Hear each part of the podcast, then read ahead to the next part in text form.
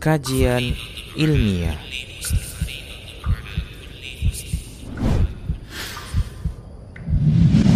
Assalamualaikum warahmatullahi wabarakatuh. Innal hamdalillah wa nasta'inuhu wa nastaghfiruh wa na'udzu billahi min shururi anfusina wa sayyiati a'malina may yahdihillahu wa may yudlil falan tajida lahu waliyyan mursyida Asyhadu an la ilaha illallah wahdahu la syarika lah wa asyhadu anna Muhammadan abduhu wa rasuluhu alladzi la nabiyya ba'dah. Wa qala Allah Subhanahu wa ta'ala Ya ayyuhalladzina amanu taqullaha haqqa tuqatih wa la tamutunna illa wa antum muslimun. Ya ayyuhalladzina amanu taqullaha wa qulu qawlan sadida yuslih lakum a'malakum wa yaghfir lakum dhunubakum wa man yuti'illaha wa rasulahu faqad faza fawzan 'azima Ya ayuhan nasu taqu rabbakum alladhi khalaqakum min nafsin wahidah wa khalaqa minha zawjaha wa batha minhuma rijalan katsiran wa nisaa wattaqullaha alladhi tasaaluna bihi wal arham innallaha kana 'alaikum raqiba hadi Muhammad sallallahu alaihi wasallam wa syarrul umur muhdatsatuha wa kullu muhdatsatin bid'ah wa kullu bid'atin dhalalah wa kullu dhalalatin finnar. Kaum muslimin rahimani Allah wa iyyakum. Pertama-tama saya ucapkan terima kasih jazahumullah khair pada teman-teman ikhwan-ikhwan yang telah berupaya untuk menyelenggarakan acara ini dalam rangkaian beberapa jenis acara. Dan kita tahu ini bukan satu kerjaan yang mudah, memerlukan perhatian khusus, membutuhkan pikiran yang khusus, dan dana yang khusus. Dan itu semua alhamdulillah telah tercover berkah dari Allah Subhanahu wa taala, taufik dari Allah Subhanahu wa taala dan ikhwan-ikhwan sekalian, terutama para panitia dan juga saya berterima kasih kepada ikhwan-ikhwan yang turut mendukung acara ini baik dari sisi moral maupun materi. Wa iyyakum. Judul acara kita ini, rangkaian acara kita ini yang dimulai dari sejak hari ini sampai besok yaitu muslim berdedikasi. Siapa yang tahu arti dedikasi? Yang tahu arti dedikasi itu apa? Apa dedikasi? Ini kan sering kita dengar. Dedikasi. Apa itu dedikasi? Nah, ya. Muslim yang punya marwah. Marwah itu apa, Pak? Gengsi. Kalau muslim yang gengsi berarti dia nggak bisa nyusun-nyusun ini. Dia harus jaga gengsinya. Hmm. Berdiri sendiri. Mandiri. Memiliki jati diri. Makanya tadi pagi saya cari ini apa artinya. Apa dedikasi ini? Supaya tidak salah dalam mengungkapkan. Jadi dalam kamus besar bahasa Indonesia, dedikasi adalah sebuah pengorbanan tenaga, pikiran, dan waktu demi keberhasilan suatu usaha yang mempunyai tujuan yang mulia. Itulah dedikasi. Dedikasi ini bisa juga berarti pengabdian untuk melaksanakan satu cita-cita yang luhur dan diperlukan adanya sebuah keyakinan yang teguh. Itulah yang disebut dengan dedikasi. Tentunya ikhwatiddin, ketika dedikasi ini kita kaitkan dengan muslim, berarti dedikasi ini adalah dedikasi yang memang terkendali oleh syariat. Karena seorang muslim, seorang muslim adalah seorang yang menyerahkan diri pada Allah Subhanahu wa taala, menyerahkan diri dengan aturan-aturan yang telah Allah Subhanahu wa taala turunkan. Itulah seorang muslim, menyerah dan bukan membantah tentunya. Kalau dia seorang yang membantah syariat Islam, tidak layak judulnya muslim yang berdedikasi. Muslim yang berdedikasi dia punya definisi yang kita sebutkan tadi, tapi aturannya ada. Sebab ikhafiddin kalau hanya sekedar dedikasi Berapa banyak orang-orang yang berdedikasi tapi tujuannya salah. Berapa banyak yang punya cita-cita tinggi tapi cita-citanya keliru. Kita tidak ingin seperti ini. Kita ingin dedikasi ini adalah dedikasi seorang muslim yang dia bergerak dalam ringkaian ataupun dalam bingkai syariat Islam. Bergerak dalam bingkaian Quran dan sunnah Rasulullah sallallahu alaihi wasallam. Ikhwatiddin rahimani Allah wa iyyakum. Tentunya dedikasi yang kita maksud itu ada dedikasi yang tujuannya akhirat dan dedikasi yang tujuannya dunia. Dalam Islam, ikhafiddin, masalah ini beda sikap kita akhirat dan dunia. Yang pasti Allah sudah menyebutkan wal akhiratu khairul laka minal ula. Bahwasanya akhirat itu lebih baik untuk kalian dan lebih utama. Wal akhiratu khairu wa abqa.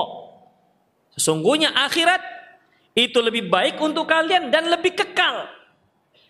Oleh karena itu, apabila ada kepentingan, cita-cita, tujuan berbenturan antara dunia dan akhirat kita, maka tidak ada pilihan lain selain kita pilih akhirat dan kita kesampingkan urusan dunia. Itulah ikhwatiddin Islam. Oleh karena itu dalam masalah akhirat, dalam masalah akhirat, Islam itu harus mengutamakan dirinya ketimbang orang lain. Dia harus mendahulukan dirinya ketimbang orang lain. Harus egois kalau masalah akhirat. Allah Subhanahu wa taala menyatakan, "Ya ayyuhalladzina amanu Ku anfusakum wa ahlikum naro. Wahai orang beriman, selamatkan diri kalian dan keluarga kalian dari api neraka. Dalam masalah ini, Khobiddin, kita dulu selamat. Kita harus selamatkan diri kita dari neraka. Baru istri kita, baru anak kita, baru masyarakat kita. Kalau kita nggak selamat dari neraka, jangan coba-coba menyelamatkan orang lain. Kita dulu yang masuk surga, baru orang lain. Itu egois dalam masalah akhirat. Makanya para sahabat kalau mereka apa namanya menempatkan sah pertama, apa yang mereka lakukan? Apakah monggo Pak silakan saya di sah ketiga aja, begitu? Ada seperti itu? Enggak, sampai berundi mereka untuk mendapatkan sah pertama karena ini masalah akhirat. Ibnu Abbas ketika bersama Rasulullah Shallallahu Alaihi Wasallam waktu itu Rasulullah minum minum susu di sebelah kiri ada Abu Bakar di sebelah kanan Abdullah bin Abbas. Sunnahnya kalau kita terkait dengan masalah makan dan minum didahulukan yang sebelah kanan. Permasalahannya yang sebelah kanan ini junior Ibnu Abbas. Yang sebelah kiri Abu Bakar. Gimana ini? Jadi apa yang dilakukan oleh Rasulullah sallallahu alaihi wasallam? Rasulullah minta izin kepada Ibnu Abbas. Gimana Ibnu Abbas? Kalau habis saya minum ini kita berikan kepada Abu Bakar yang lebih tua. Apa kata Ibnu Abbas? Silakan Rasulullah enggak. Enggak. Aku tidak akan mau mengalah kalau masalah berkah darimu ya Rasulullah. Enggak mau. Walaupun dia lebih tua, aku sebelah kanan. Aku lebih berhak. Begitu Ikhafiddin. Kenapa? Ini sisa minum Rasulullah. Ada berkahnya. Tidak bisa dikiaskan dengan sisa minum Ustadz. Ya, Walaupun belum ada minum, tapi nggak apa-apa lah. Rahimani Allah wa iyyakum. Jadi dalam permasalahan ini, ya, dalam permasalahan ini memang yang namanya akhirat dalam masalah akhirat kita tidak bisa mendahulukan orang lain. Kita dahulukan diri kita sendiri. Ingat sabda Rasulullah sallallahu alaihi wasallam tentang masalah orang yang terzolimi di akhirat. Rasulullah mengatakan bahwasanya beliau bertanya kepada para sahabat tentang apa yang dikatakan orang bangkrut dari kalangan umatku. Para sahabat menjawab, al-muflisu fina malla dirhamalahu wala mata. Orang bangkrut dari kalangan kita ya yang tak punya harta benda lagi, ludes semua. Habis. Rasulullah mengatakan al-muflis min um al-muflisu min ummati orang yang bangkrut dari kalangan umatku mayyati bis salati waz zakati was sadaqah was siyam yang nanti di hari akhirat datang membawa pahala sedekahnya, pahala puasanya, pahala uh, hajinya dan seterusnya. Walakin qad ya'ti qad syatama hadza wa akala mala hadza wa daraba hadza wa safaka dama hadza. Tapi permasalahannya semasa dia di dunia, dia pernah menzolimi ini, dia pernah mencaci maki orang ini, pernah menumpahkan darah orang ini, pernah merusak nama baik orang ini, menzolimi orang lain. Akhirnya apa? Fayati fayu'ti hadza min hasanatihi wa hadza min hasanatihi. Akhirnya dibayarlah dengan dengan kebaikan-kebaikan. Siapa pun dia ikhwatiddin tanpa terkecuali. Apabila ada seorang istri dizolimi oleh suaminya, di akhirat dia akan menuntut. Kenapa? Ini masalah akhirat. Masalah neraka. Yang penting dia masuk surga. Mau gara-gara itu suami yang masuk neraka dia nggak peduli. Dia tuntut tuh suaminya. Walaupun sampai habis kebaikan-kebaikan suaminya. Dia akan tuntut. Bang, pernah tampar saya kan? Bang, pernah nggak pernah nggak ngasih belanja saya kan? Bang, pernah tendang saya kan? Bang, pernah ngurung saya di WC tiga hari kan? Misalnya. Dia tuntut nanti. Demikian ikhwafiddin. Seorang anak juga begitu. Akan menuntut orang tuanya. Orang tua yang pernah dizolimi oleh anaknya akan menuntut anaknya walaupun anak kandung sendiri. Kenapa ikhwafiddin? Nanti sudah nafsi-nafsi. Sendiri-sendiri tidak ada nanti di masa sih nuntut abang. Abang kan satu-satunya suamimu waktu di dunia. Masih cinta kan sayangan dek? Masih sayangan dengan abang? Gak ada cerita sayang-sayang lagi. Itulah kalau sudah akhirat. Makanya para sahabat, ya para sahabat kalau sudah masalah masalah kebaikan, mereka fastabikul khairat. Berlomba-lomba berlomba-lomba. Ingat bagaimana persaingan antara Abu Bakar dan Umar bin Khattab dalam masalah sedekah. Umar bin Khattab ingin melomba Abu Bakar dalam masalah sedekah. Karena dia lihat Abu Bakar ini terdepan dalam semua amalan. Pada suatu hari Rasulullah SAW mengumumkan kaum muslimin bahwasanya kita perlu infak untuk mendanai pasukan kaum muslimin. Waktu itu Umar bin Khattab sedang banyak duitnya. Dia bawa separuh. Ya Rasulullah ini untuk visabilillah kemudian datang Abu Bakar, ya Rasulullah, ini semua harta saya. Demikian ikhwatiddin, itu dalam masalah akhirat. Dia harus egois, kita harus egois. Ya. Jadi dalam dalam masalah infak misalnya, antum lihat teman sebelah antum mengisi 2000, eh 2000, saya 500 ribu begitu. Ya, jangan 1000 gini kalau 1000 kalau 300 ribu Ikhwafiddin rahimallahu wa Itulah dedikasi.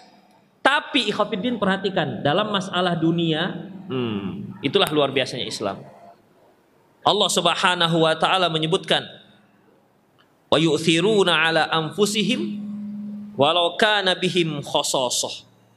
Allah Subhanahu wa taala firman ikhwafiddin dalam surat Al-Hasyr ayat 9. Walladzina tabawwa'ud dar wal iman min qablihim yuhibbuna man hajar ilaihim. Ini menceritakan tentang penduduk Madinah. Di mana para sahabat yang berhijrah dari Mekah ke Madinah diterima dan ditampung oleh para sahabat yang ada di Madinah. Yuhibbuna man hajar ilaihim. Sesungguhnya mereka mencintai orang-orang yang hijrah kepada mereka. Wala yajiduna fi sudurihim hajatan mimma utu. Mereka tidak tidak membutuhkan apa pun, tidak ada tujuan apa pun dari apa yang mereka terima. Wa yu'thiruna ala anfusihim. Mereka wa yu'thirun, mereka lebih mengutamakan temannya ala anfusihim walau kana bihim khososah walaupun mereka sendiri memerlukannya. Itu dalam masalah dunia. Misalnya kalau kita ada undangan makan, ya kan? Ada hidangan. Di situ ada daging. Udah, dia duluan. Biasanya yang duluan kesempatan ambil enam potong.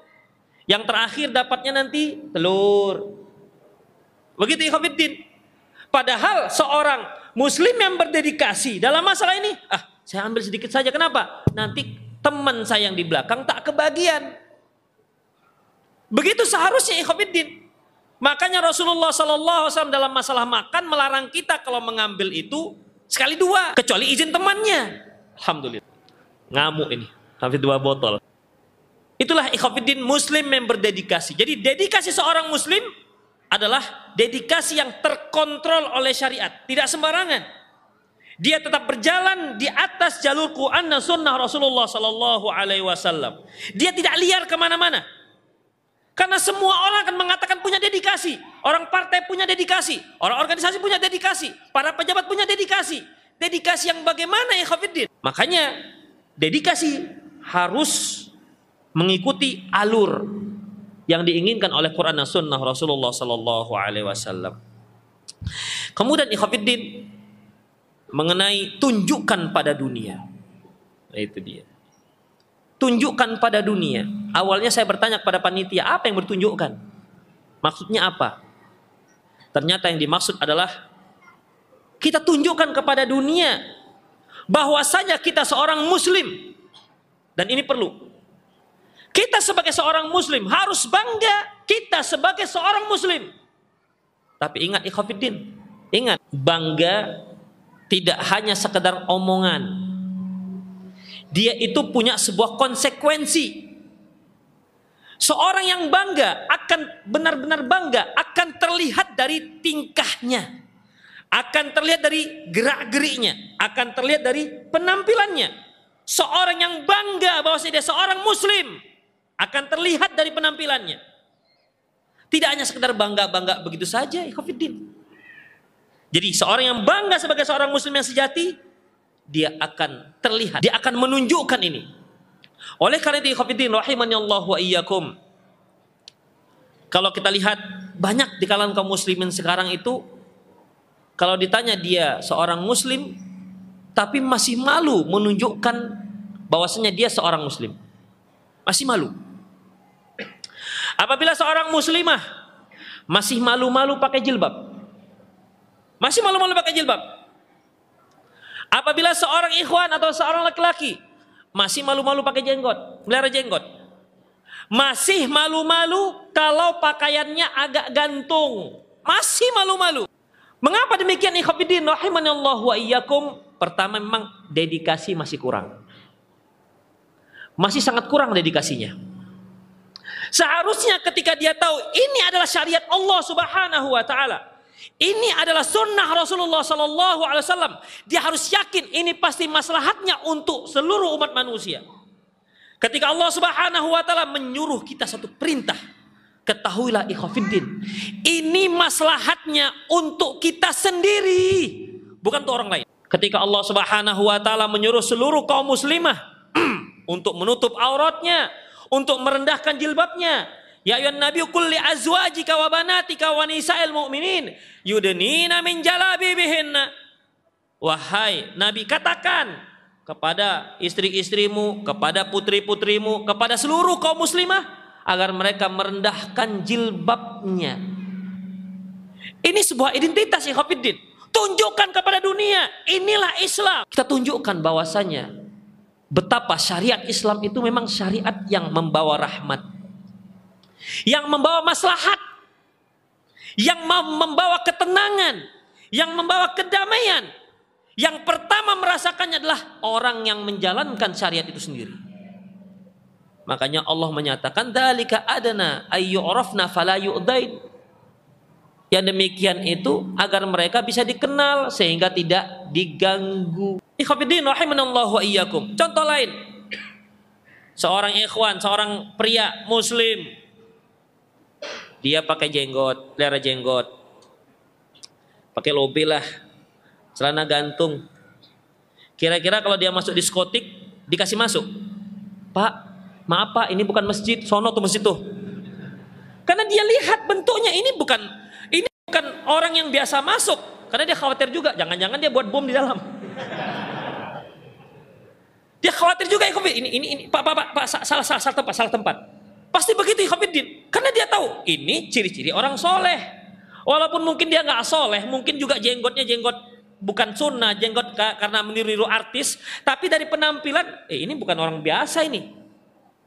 Kalau antum misalnya dengan penampilan seperti itu, penampilan sunnah, kemudian antum masuk ke restoran yang jelas nggak halal, pasti yang punya restoran juga akan mengatakan, Pak, maaf di sini restoran yang nggak halal. Coba kalau antum pakai levis, Iya kan? Pakai rantai dari leher ke dompet. Masuk ke restoran itu, wah memang sama saja kita sebenarnya, ikhwafiddin. Islam itu tidak ditunjukkan. Kita harus tunjukkan Islam itu ikhwafiddin. Karena kalau kita tidak tunjukkan tuh Islam, ikhwafiddin, hilang wibawa kita. Islam itu akan berwibawa kalau kita aplikasikan pada diri kita, keluarga kita dan masyarakat kita. Kalau ada orang-orang yang non muslim yang berani-berani macam-macam di tengah 85% kaum muslimin, tandanya kaum muslimin pada saat itu sangat lemah. Kalau ada orang macam-macam di rumah antum, berani nggak dia? Kalau dia lihat tuan rumahnya tegas, dilihat apa namanya ketat, dia nggak berani macam-macam. Tapi kalau dia lihat tuan rumahnya juga ya tidak ada wibawa, tidak punya identitas, dia pun berani semena-mena di rumah kita. Indonesia itu rumah kita. 85% kaum muslimin. Tapi ikhafiddin rahimani Allah wa iyyakum. Nasib kita seperti ini. Ghusa ka isail. Seperti buih dalam laut di atas apa gelombang air. Di, di atas aliran banjir. Banyak gelembung-gelembung itu banyak. Tapi tak punya kekuatan. Tak punya kekuatan hanyut ke sana kemari. Kalau dilihat di televisi, siapa yang banyak tampil di situ? Siapa yang banyak buat maksiat di situ? Kalau dilihat di tempat-tempat prostitusi. Siapa yang banyak pelanggan di situ? Kalau nggak kaum muslim. Ikhafidin, rahimani Allah wa iyyakum. Ketika kita teriak-teriak, basmi, sweeping, tempat-tempat seperti itu. Ikhafidin, kalaupun ditutup, pelanggannya akan datang. Mbak, pindah ke mana? Pindah ke ruko sebelah katanya. Orang pelanggannya banyak. Tapi coba kalau pelanggannya nggak ada, di mana pun dia buat, iklan apa pun, nggak akan ada. Dia akan tutup. Kenapa? Pelanggan tak ada. Makanya kita perlu dakwah. Kita perlu dedikasi yang kuat dalam menunjukkan Islam ini kepada kaum muslimin, kepada seluruh dunia, terutama kepada masyarakat kaum muslimin, orang-orang Indonesia. Ikhwafiddin rahimani Allah wa iyyakum. Kenapa harus Islam? Untuk menguatkan keyakinan kita itu harus Islam. Tidak ada yang bisa merubah dunia menjadi baik selain Islam. Tidak ada. Selain Islam. Ikhwafiddin rahimani Allah wa iyyakum. Apa alasan? Allah Subhanahu wa taala mengatakan bahwasanya inna dina indallahil Islam. Sesungguhnya agama yang diridhoi Allah itu hanya Islam. Kalau ingin mendapat ridho Allah, Islam jawabannya. Kalau Anda ingin sukses dunia akhirat, Islam jawabannya. Artinya kalau ada yang berani-berani mencari selain Islam bakal turun bencana dunia apalagi akhirat. Allah Subhanahu wa taala menyebutkan wa may yabtaghi ghairal islam dinan.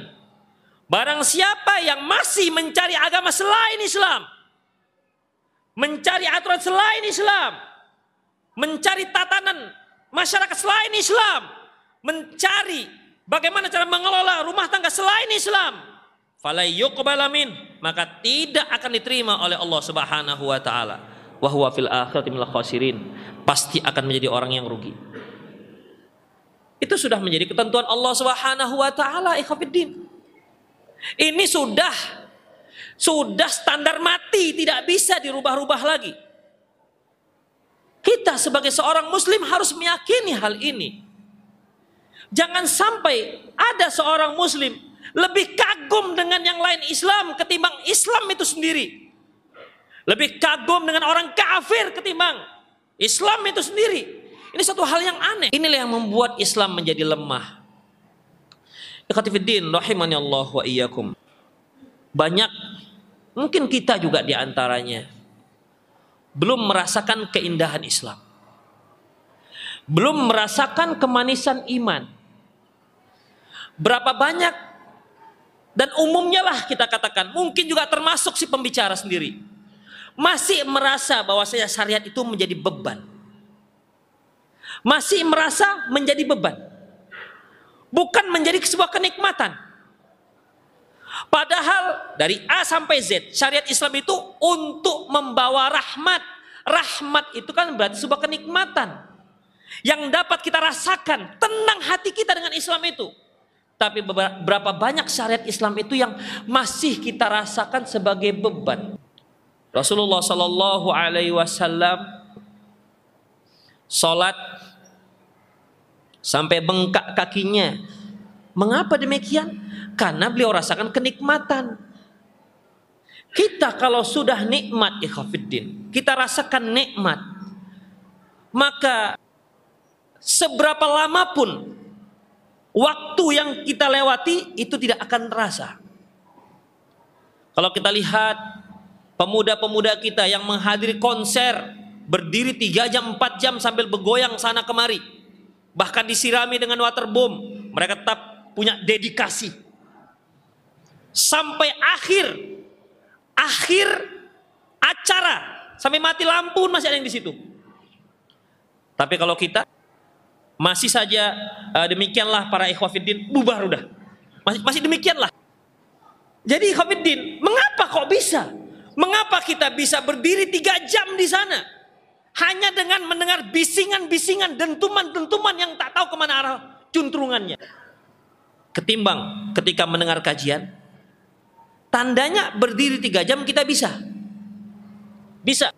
Mengapa ketika seorang menyaksikan bola 45 menit kali dua belum lagi perpanjangan waktu belum lagi tambah penalti dia masih khusyuk dan tertegun dengan semua konsentrasi bahkan dengan teriakan sampai akhir cerita dia tak akan lewatkan sedikit pun pertandingan tersebut kalau ada pak pak pak pak pak pak pak tidak ingin terlewat sedikit pun kenapa berarti kita bisa ikhwafiddin. Pada dasarnya Allah Subhanahu wa taala menurunkan syariat apa pun syariatnya. Itu adalah syariat yang mudah dan bisa kita lakukan. Tidak ada satu syariat pun dalam Islam yang tidak bisa kita lakukan. Tidak ada. Apa pun syariatnya. Semua bisa. Tapi seringnya kitanya yang malas. Seringnya kitanya yang malas. Seringnya kitanya yang ogah-ogahan dengan syariat kita ini ikhafiddin. Rahimani Allah wa iya. Mungkin ketika seorang itu melihat satu syariat ataupun satu hukum, dia merasa bahwasanya itu sangat berat. Ketahuilah ikhafiddin. Ketahuilah berat dan tidaknya itu sebenarnya tergantung dengan kita. Coba perhatikan. Kalau ada orang yang ingin membedah perut kita, Berat nggak ini? Datang, Pak, sini Pak, mau ngapain? Saya mau bedah tuh perut Bapak. Kita katakan enak saja nih perut saya. Kalau Anda mau bedah, bedah perut sendiri. Tapi ketika kita sakit, usus buntu misalnya, ya tidak ada jalan lain kecuali harus dioperasi, kita serahkan perut kita untuk dibedah. Walaupun kita takut melihat pisau, kita serahkan, kita pasrahkan. Habis dipedah perut kita, dijahit-jahit, dikeluarkan ususnya, dimasukkan lagi nyusun sendiri, kemudian bayar lagi kita. Perut-perut kita, yang dijahit perut kita. Kenapa kita bisa? Padahal perbuatannya sama. Tandanya ikhofiddin, kita itu bisa. Kitanya yang nggak mau sebenarnya. Oleh karena itu Allah Subhanahu wa taala memberikan standar kepada kita bahwasanya ad-dinu yusrun. Agama itu mudah. Jadi kalau ada yang mengatakan Islam itu sulit, katakan bahwasanya Anda salah, agama itu mudah. Karena standar mudah dan tidak itu tidak bisa diberikan kepada manusia. Karena kalau diberikan kepada manusia, satu kaum akan mengatakan mudah, satu kaum akan mengatakan sulit. Tergantung kekuatan badan, fisik, tergantung bagaimana cara berpikir, tergantung dengan bagaimana latar belakang pendidikan, akhirnya akan terjadi perbedaan antara nilai mudah dan sulit. Makanya Allah Subhanahu wa taala menurunkan syariat dan Allah katakan bahwasanya wa ma ja'ala 'alaikum fid dini min haraj. Allah tidak jadikan agama ini untuk menyusahkan kalian Artinya ikhwafiddin Allah turunkan agama ini untuk maslahat kalian.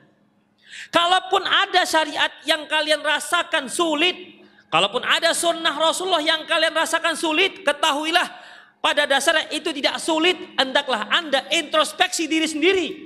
Anda yang nggak beres, bukan syariatnya yang nggak beres. Allah Subhanahu wa taala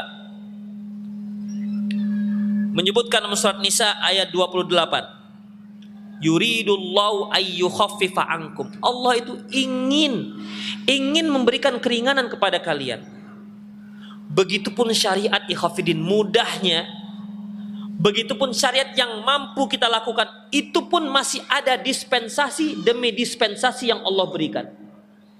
Sangkin mudahnya. Seperti apa Khafiddin rahimani Allah wa iyyakum. Kita se sebagai seorang muslim dan muslimah wajib sholat. Karena ini merupakan ibadah yang pertama sekali nanti yang akan dimintai pertanggungjawaban di hadapan Allah Subhanahu wa taala. Salah satu kewajiban kita sholat yaitu berdiri. Namun ternyata kalaupun yang nggak bisa berdiri boleh duduk. Salli qa'iman fa illam fa illam fajalisan fa illam tastati fa'ala jambi. Salatlah kalian berdiri. Kalau nggak sanggup ya silahkan duduk. Ingat kalau nggak sanggup. Ingat kalau nggak sanggup. Kalau kalian nggak sanggup duduk ya silahkan tidur. Begitulah mudahnya Islam. Bukan berarti saklek begitu saja, begini-begini tidak berubah sama sekali enggak. Ada saat-saat seorang itu dia punya lemah pada saat lemah apakah ketika sakit ataupun masalah kesempatan dan seterusnya ternyata syariat memberi kemudahan. Ad-dinu yusrun. Agama itu mudah. Ikhwatifiddin rahimani Allah wa iyyakum. Kita berikan contoh-contoh dalam Islam. Ketika seorang bertaubat taubat nasuhah Syaratnya dia harus menyesal, tidak akan mengulangi lagi perbuatan dosa tersebut. Dia sudah berazam tidak akan mengulangi lagi. Kalau dosa tersebut terkait dengan orang lain, maka dia minta maaf ke orang yang telah dia zolimi tersebut. Itulah Islam ya Yang pada konsepnya fatubu ilallahi jami'an. Tobatlah kalian seluruhnya Coba kita lihat, kita bandingkan dengan agama sebelum Islam. Allah Subhanahu wa taala firman dalam surah Al-Baqarah 54. Wa id qala Musa liqaumihi ya qaumi innakum zalamtum anfusakum bittikhadikumul ijla fatubu ila bari'ikum faqtulu anfusakum Dalikum khairul lakum inda bari'ikum fataba alaikum Inna wattawabur rahim. Ketika Musa berkata kepada kaumnya, Wahai kaumku, kalian sudah menzolimi diri kalian sendiri. Karena kalian telah menjadikan anak sapi sebagai Tuhan kalian.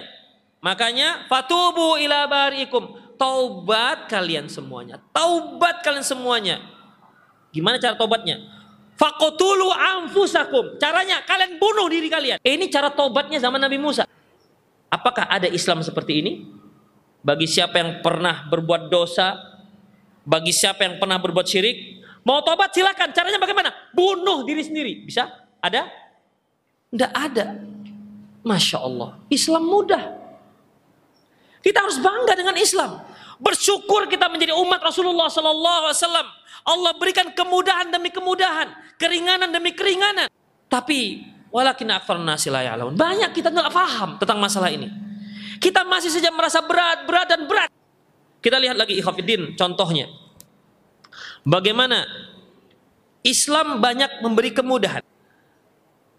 Rasulullah wasallam bersabda dalam hadis yang diriwayatkan oleh Imam Bukhari. An Abi Hurairah radhiyallahu anhu qala inna dinu yusrun, inna dina yusrun. Sesungguhnya agama itu mudah. Wala yushaddad din ahadun illa ghalabahu. Maka tidak ada seorang pun yang memaksakan diri dalam agama ini melainkan pasti akan kesulitan. Fasaddidu wa qaribu oleh karena dekatilah dan beramallah dengan teguh, dekati kesempurnaan. Wa abashiru, terimalah kabar gembira. Wasta'inu bil ghudu wa ruh wa rauhati wa syai'in min duljati. Maka manfaatkan waktu kalian sebaik-baiknya pada waktu pagi setelah tergelincir matahari dan sedikit pada waktu di akhir malam. Jadi begitupun komplitnya Islam. Rasulullah menyuruh kita laksanakan yang bisa. berusaha terus menyempurnakan diri, menyempurnakan diri dan menyempurnakan diri. Karena memang kita sebagai manusia untuk melaksanakan semuanya ada kelemahan kita, bukan pada syariat. Tidak bisa kita laksanakan semuanya. Tapi kalau masalah yang wajib memang harus semuanya. Tapi ada masalah-masalah yang sifatnya sunnah. Seperti puasa. Senin Kamis. Kemudian ada puasa Nabi Daud satu hari puasa satu hari tidak. Kan ada yang bisa melaksanakan, ada yang tidak. Yang sunnah-sunnah ini ikhofiddin berusaha untuk lebih sempurna. Itulah dia.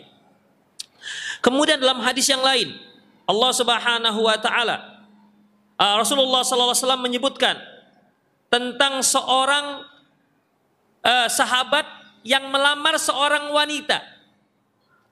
Ada beberapa riwayat yang saya kumpulkan supaya tidak salah dalam memahami riwayat ini. Dari Sahal bin Sa'ad As-Sa'idi radhiyallahu anhu qala ja'at imra'atu ila Nabi sallam faqalt ya Rasulullah ji'tu ahabu laki laka nafsi. Seorang wanita datang kepada Rasulullah SAW. Ya Rasulullah, aku datang kepadamu untuk menyerahkan diriku kepadamu. Artinya silahkan nikahkan aku. Lantas Rasulullah melihat wanita ini ke bawah, ke atas, ke bawah, ke atas. Artinya apa namanya? Kalau ada seorang pemuda itu yang ingin menikah, lihat calonnya. Lihat calonnya. Karena dengan melihat itu ada keberkahan. Tapi ingat, calon ya. Bukan yang nggak calon. Yang nggak calon nggak boleh dilihat. Ya Khobidin, kemudian ternyata Rasulullah tidak punya minat. Salah seorang sahabat yaitu Sahal bin Sa'ad ini berdiri.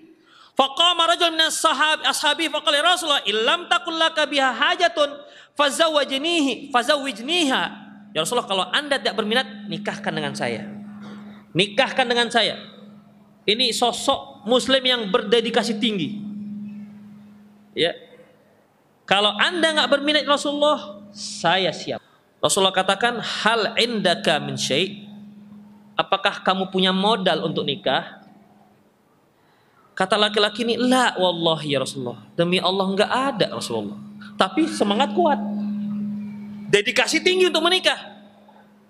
Ya. Kalau masalah keinginan untuk menikah tinggi, tapi masalahnya tak punya modal. Tapi semangat tak ada. Kemudian faqala idhab ila ahlika fanzur hal tajri syai. Kalau begitu coba kamu pulang, coba cari di rumahmu, tanya, minta di keluargamu mungkin ada sesuatu yang dijadikan sebagai mahar. Kemudian Ikhwanuddin, fadhahaba thumma raja'a. Dia pergi, kemudian balik dan berkata faqala la wallahi ma wajadtu syai'an ya Rasulullah enggak ada ya Rasulullah. Gimana ini? Tapi masih mau nikah dia tetap. Kalau bisa nikah nikah. Kemudian Rasulullah mengatakan lagi, "Unzur walau khataman minal hadid." Enggak, coba pulang, coba cari walaupun hanya cincin besi yang bisa dijadikan sebagai mahar. Dia pun pulang, balik lagi. Rasulullah, ternyata cincin besi pun tidak ada. Lantas si Khofiddin. Setelah itu, walakin hada izari. Tapi Rasulullah, saya punya kain sarung nih. Izar itu kain panjang yang digunakan untuk menutup bagian bagian bawah badan. Kalau kain yang menutup bagian atas badan itu dikatakan rida, ya atau selendang. Kalau bagian bawah izar. Jadi kata laki-laki ini, ya Rasulullah memang aku nggak punya, nggak punya uh, cincin besi, tapi aku punya kain sarung loh Rasulullah. Bayangkan ikhwafin kalau antum melamar anak gadis orang, kamu punya apa nak? Nih pak kain sarung. Bayangkan itu. Tapi saya punya kain sarung Rasulullah. Dedikasi masih tinggi Hafidin. Kenapa? Cita-cita yang luhur. Kenapa? Untuk ibadah kepada Allah Subhanahu wa taala. Enggak takut dia. Masalah ditolak itu nomor dua. Yang penting berani dulu. Ini biasanya orang beruntung nih biasanya. Kemudian ikhwatiddin rahimanallahu ayyakum. Lantas apa kata Rasulullah sallallahu alaihi wasallam? Faqala, "Ma tasna'u bi izarik?" Apa yang kamu lakukan? Apa yang bisa kamu gunakan untuk dengan dengan sarungmu ini. Katanya, kata Rasulullah, illa bistahu lam lam yakun 'alaiha minhu syai'. Kalau kamu yang pakai kain sarung, dia kan nggak bisa make. Kemudian, wa in labisathu lam yakun 'alaika minhu syai'. Kalau dia yang pakai kain sarungmu, kamu kan nggak bisa make. Kemudian fajalasa rajul hatta idza tala fajalasa majlisuhu qoma. Laki-laki ini pun terduduklah. Mana nggak ada harapan lagi. Lama dia duduk mikir apalah kira-kira. Gak ada harapan. Udah lama duduk pergi dia. Kemudian Ikhafiddin Rasulullah panggil orang ini. Rasulullah panggil falamma jaa qala madza ma'aka minal Qur'an. Nah, sekarang begini saja. Apa Quran apa yang bisa yang kamu miliki tentang Al-Qur'an? Yang kamu miliki tentang Al-Qur'an. Kemudian qala ma'iya suratun kada wa kada. Aku memiliki Quran, surat ini dan surat ini. Ingat, nanti ada disebutkan apa yang dimaksud dengan memiliki Al-Qur'an di sini. Faqala taqra'uhun taqra'uhunna ala dhahri qalbik. Kamu hafal surat-surat yang kamu maksud? Nanti lihat, ada surat yang dimaksud, bukan kelolowahat ina atoina, bukan. Qala na'am, aku hafal ya Rasulullah. Qala idhab qad mallaktukaha bima ma'aka minal Qur'an. Kalau begitu, sudah kamu bawa istrimu ini karena aku sudah nikahkan kamu dengan mahar Al-Qur'an yang kamu miliki. Dalam riwayat yang lain ikhwati disebutkan, Intalik faqad zawwajtukaha fa'allimha minal Qur'an. Pergilah, pergilah dan aku sudah menikahkan kamu dengan mahar kamu ajarkan Al-Qur'an. Kemudian disebutkan lagi dalam uh, yang lain yaitu dari Abi da, dia kalau memang Abi Daud dari Abu Hurairah, "Ma tahfadhu? Apa yang kamu hafal?" Qala suratul Baqarah wallati taliha yang aku hafal yaitu surah Al-Baqarah dan yang setelahnya, soal Imran. Di Khafiddin. Surah Al-Baqarah dan surah Al-Imran. Jadi antum jangan coba-coba memakai mahar pakai surat, pakai hafal Al-Quran kalau nggak hafal Al-Baqarah dengan Al-Imran. Nggak punya apa-apa, nggak punya apa-apa untuk mahar. Tapi kan Rasulullah boleh dengan cara apa? Mengajarkan Al-Quran. Apa yang diajarkan? Ina atau ina, lolawahat. Tidak, ikhwafiddin ya Al-Baqarah dan soal Imran. Dari tahapan-tahapan yang kita lihat tadi, betapa mudahnya Islam. Betapa mudahnya Islam. Makanya Ikhwanuddin seorang wanita yang berkah adalah yang paling mudah maharnya. Paling mudah maharnya. Bukan yang paling murah, ingat. Bukan yang paling murah. Yang paling mudah. Kalau antum punya kelapa sawit, kebun kelapa sawit, 300 hektar, ya antum kasihlah misalnya mahar istri antum sebuah rumah misalnya. Ya. Kalau yang nggak punya apa-apa, kasihlah kunci aja. Gak ada rumahnya. Kunci apa nih bang? Kunci gembok. Rumahnya nggak ada, gemboknya aja. Boleh nggak gembok jadikan mahar? Boleh. Di sini yang kita maksud di Khofiddin, kemudahan Islam itu begitu. Ya, kemudahan Islam seperti itu. Islam tidak mengharuskan begini saja tidak, tapi di saat kita tidak sanggup, Allah Subhanahu wa taala memberikan banyak kemudahan. Kemudian ikhafidin rahimani Allah wa iyyakum. Islam ikhafidin rahimani Allah wa iyyakum agama yang menjaga yang menjaga enam hal. Dan ini memang harus dijaga oleh kita bersama. Tidak boleh tidak. Allah Subhanahu wa taala menurunkan syariat Islam ini untuk menjaga lima hal. Yang pertama yaitu untuk menjaga keyakinan kita. Kita harus pertahankan keyakinan kita apa pun yang terjadi. Makanya ikhwatiddin rahimani Allah wa iyyakum di saat-saat di saat-saat kita terancam nyawa kita terancam maka boleh kita berpura-pura tidak Islam. Bisa terancam. Tetapi kalau dia istiqomah, tetap tidak mengakui dan dia dibunuh, maka matinya mati syahid. Tapi kan tidak semua orang seperti itu. Ya kan? Tidak semua orang seperti itu. Tidak semua orang bisa kita katakan kamu wajib tetap bertahan dengan akidahmu apa pun yang terjadi walaupun lehermu disembelih. Tidak semua orang bisa seperti itu ikhwah. Makanya ada kemudahan. Ya sudah, kalau seandainya kamu terpaksa boleh. Ya. Tapi dengan syarat wa qalbuhu mutmainnun bil Islam, bil iman, tapi tetap hatinya tetap yakin dengan keislaman. Syariat ikhwatiddin rahimanallahu wa iyyakum menjaga agama. Ya, menjaga agama. Kemudian menjaga jiwa. Tidak boleh sembarangan membunuh dalam Islam. Allah Subhanahu wa taala menyatakan, "Wa may yaqtul mu'mina muta'ammidan fajazau jahannam khalidan fiha." Barang siapa yang membunuh seorang mukmin dengan sengaja, maka balasannya neraka jahanam dan dia kekal selamanya. Itu ancaman. Lantas apa boleh membunuh orang kafir? Juga tidak.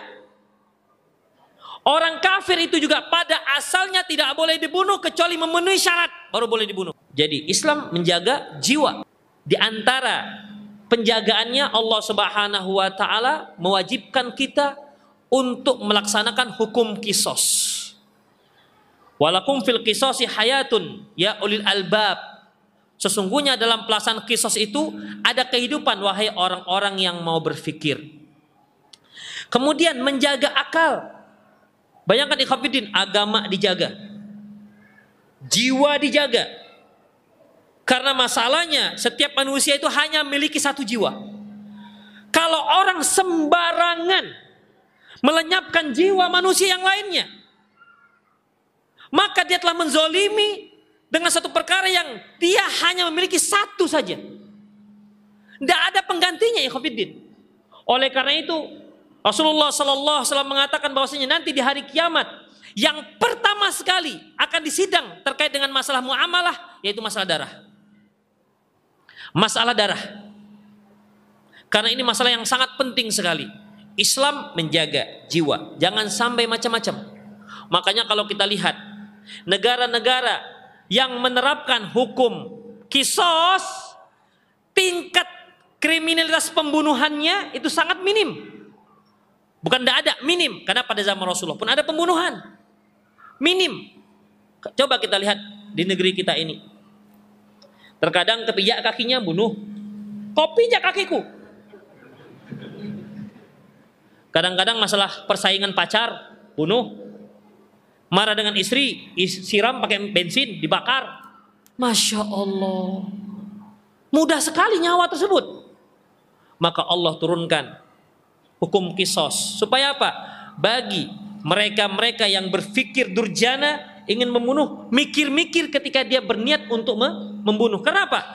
Karena dia melihat mereka yang dibunuh dipenggal kepalanya. Makanya eksekusi mati itu harus dilihat orang, oleh orang ramai supaya menjadi pelajaran bagi yang lain. Kalau kalian membunuh begini nasibnya, kami penggal juga lehernya. Bukan diam-diam tiba-tiba ada darah tetesan tiga tetes, ini dia buktinya. Gak begitu Khafidin harus di depan orang ramai. Karena eksekusi itu sebagai pelajaran bagi yang hidup. Jangan macam-macam. Jangan sembarangan melenyapkan nyawa orang lain. Itulah kisos. Luar biasa kan Islam? Tapi berapa banyak kaum muslimin mengatakan kejam. Kejam. Masya Allah. Makanya ikhafiddin. Tanda sayang Allah kepada kita diturunkan hukum ini. Sekali lagi Khafidin, standar. Standar benar dan tidak, mudah dan tidak, itu hanya syariat. Kalau kita tidak bisa kita jadikan sebagai standar. Kalau akal kita belum bisa mencernanya, kita wajib sami'na wa ata'na. Wajib. Kalaupun kita belum bisa menerima, akal kita belum bisa menerima, perasaan kita belum bisa menerima. Namun kita wajib menerima ketika itu sudah jelas dalilnya Quran dan Sunnah Rasulullah Sallallahu Alaihi Wasallam. Kalau kita jadikan perasaan kita diserahkan kepada kita benar dan baiknya akan terjadi perbedaan. Di tempat ini saja saya yakin ada terjadi perbedaan kalau saya tanya suatu masalah. Sekarang saya tanya pada antum, kira-kira kira-kira ini kaum ikhwan poligami baik apa enggak? Takut istri semua. Saya tanya lagi nih, jangan sampai kesempatan kedua antum terluput. Poligami itu baik apa tidak? Hmm, ini giliran ibu-ibu bu ya. Bu, poligami baik apa tidak? Khilafiyah.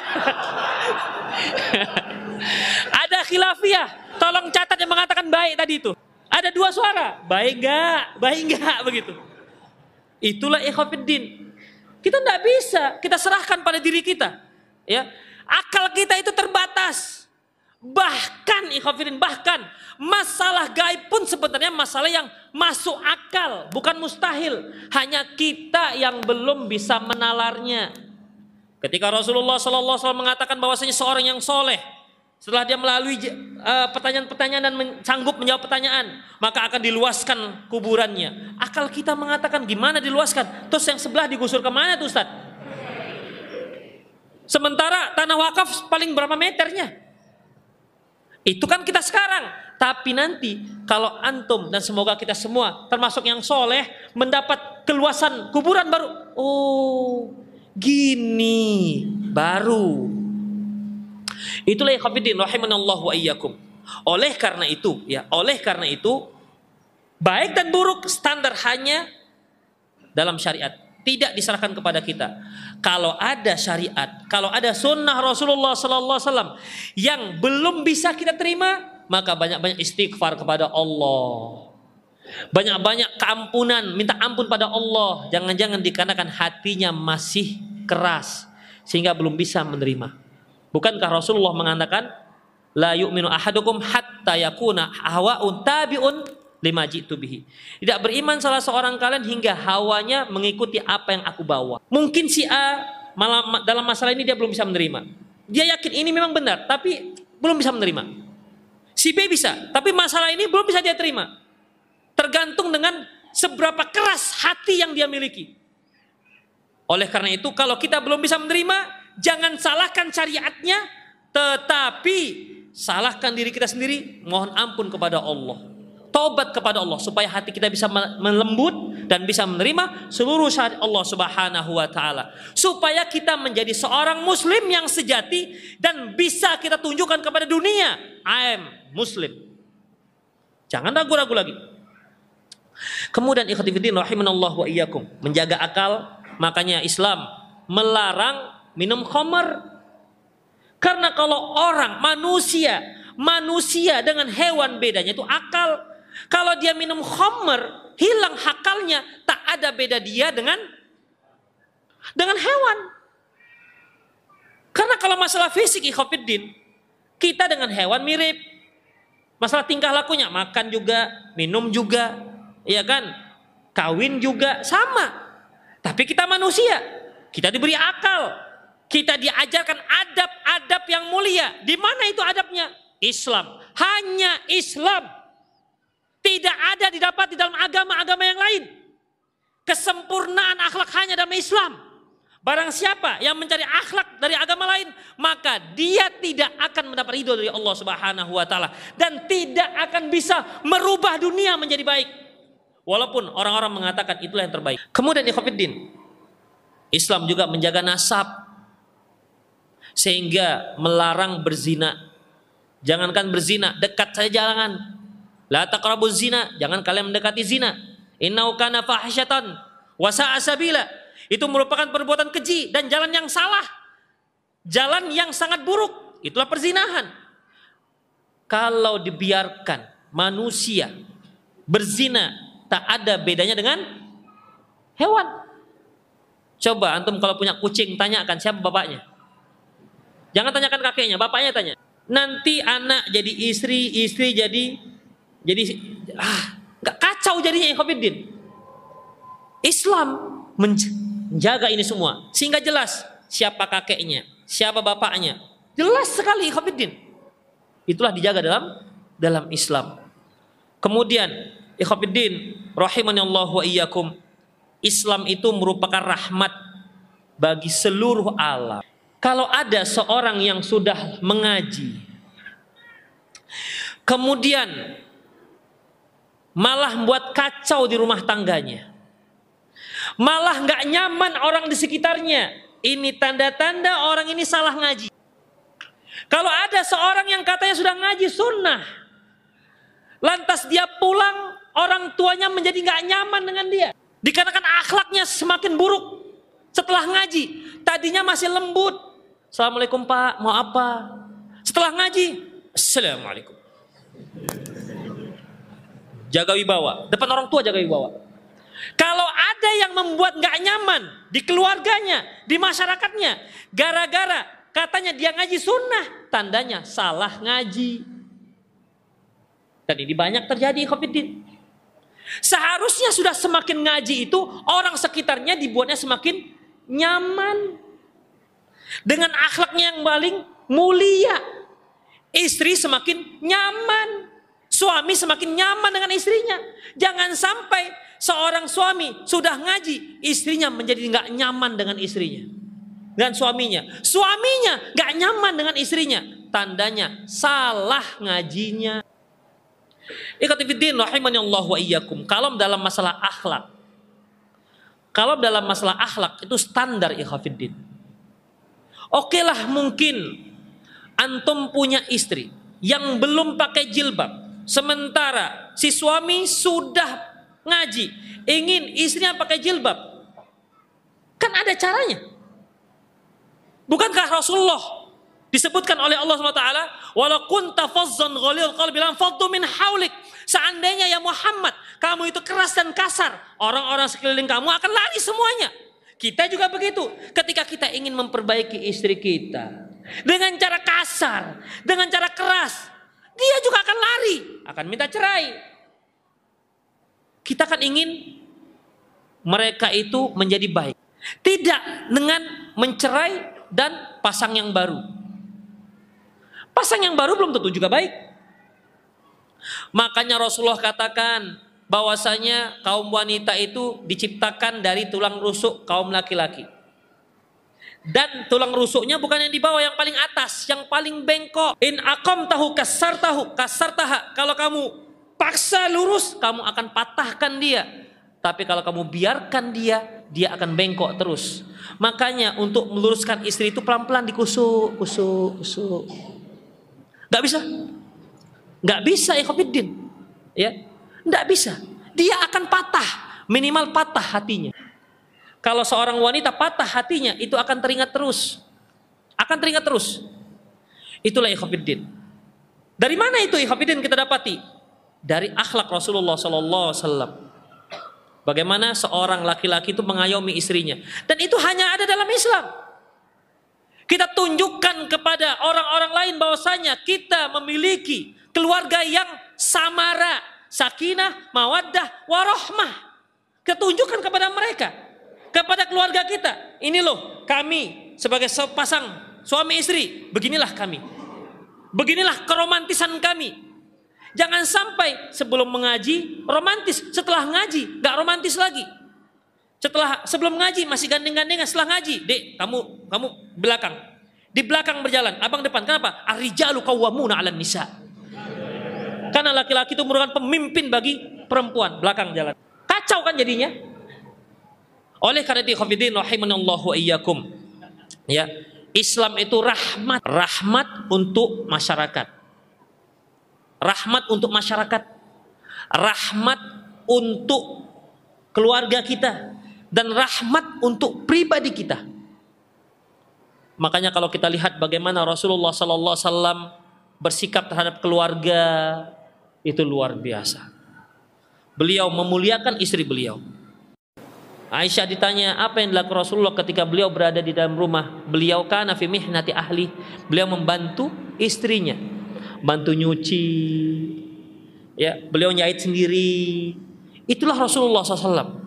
Makanya cinta istri beliau itu luar biasa kepada beliau.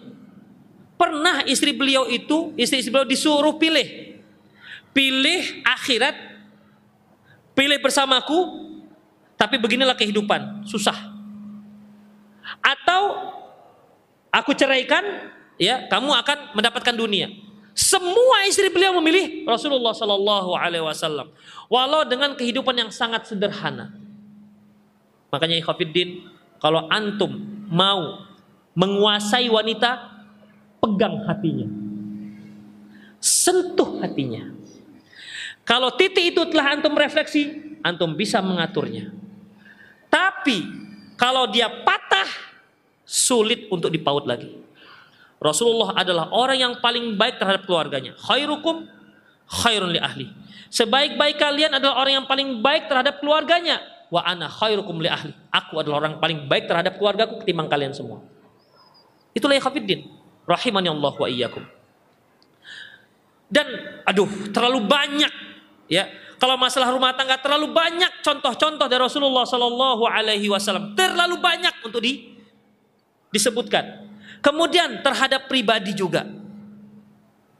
Pribadi ikhafidin rahimanallah wa iyyakum. Islam itu ku anfusakum. Selamatkan diri kalian.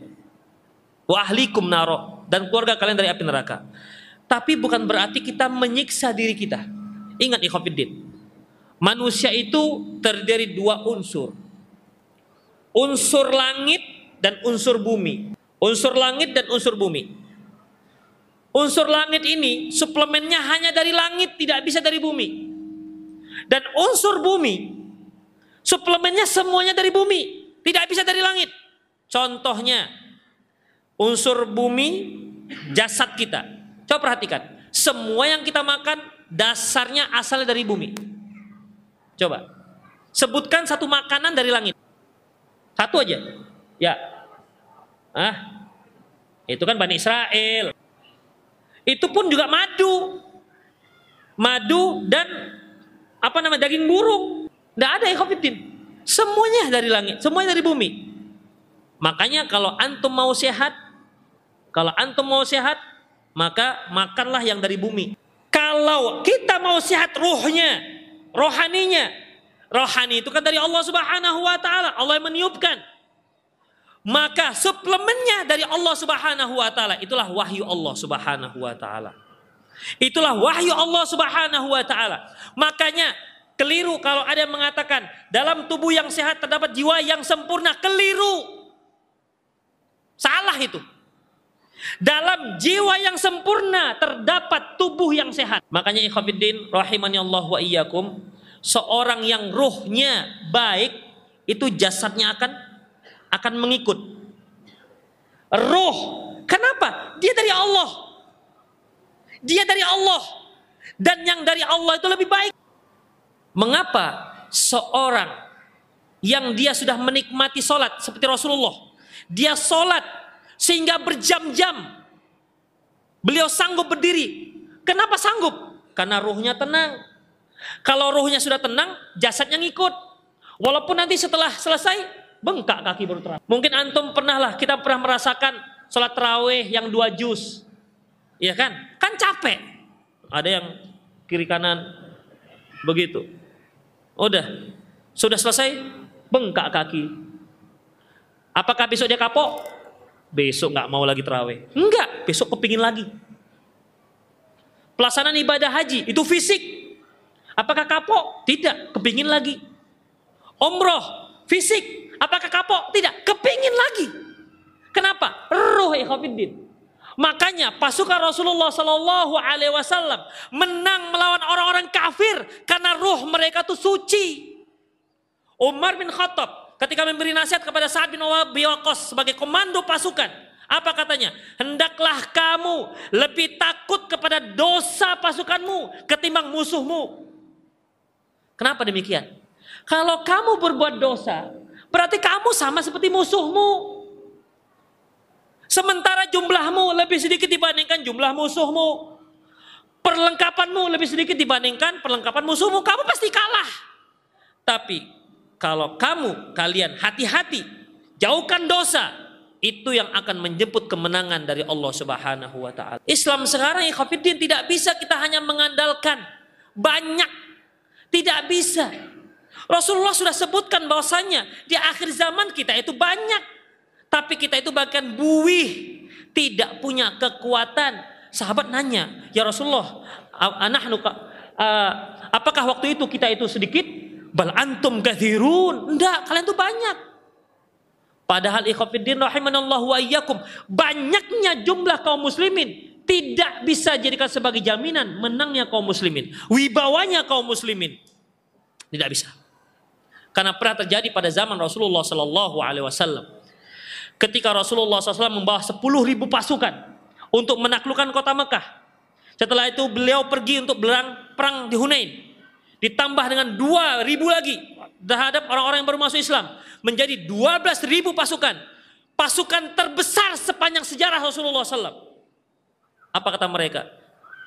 Dikit aja kita menang apalagi besar begini. Sedikit saja kita menang apalagi besar seperti ini, banyak seperti ini. Ternyata ucapan sini, ucapan seperti ini membuat Rasulullah merasa, merasa sempit, gelisah.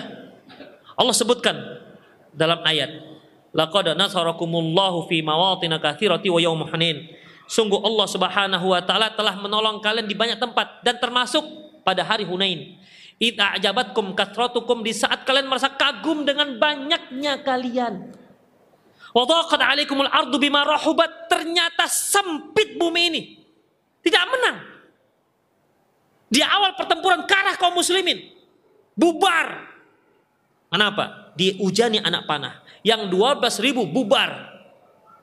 Kemudian Rasulullah menggalang lagi pasukan. Ternyata pasukan sedikit pasukan yang sedikit inilah yang memenangi melawan orang kafir.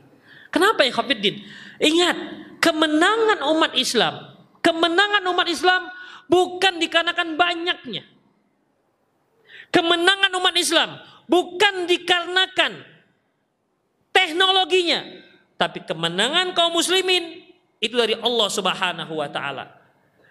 Keridoan Allah Subhanahu wa taala, pertolongan Allah Subhanahu wa taala itu kita jemput dengan cara bagaimana? Melaksanakan Quran dan sunnah Rasulullah wasallam pada diri kita, masyarakat kita dan keluarga kita.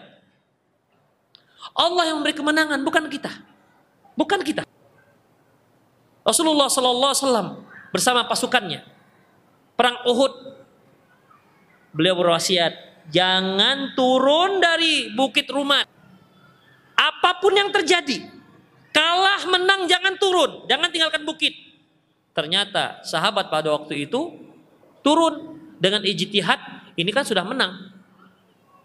Ternyata Khalid bin Walid melihat pasukan kaum muslimin yang menjaga di atas sudah lemah. Dia serang pasukan yang hanya tinggal 10 orang ya. Kemudian dia serang dari kaum muslimin dari belakang yang sibuk dengan mengutipi ghanimah. Dia serang dari belakang yang tadinya lari kemudian kembali menyerang ke depan. Sehingga pasukan Khalid bin Walid waktu itu masih kafir menyerang dari belakang, pasukan pejalan kaki kembali menyerang dari depan.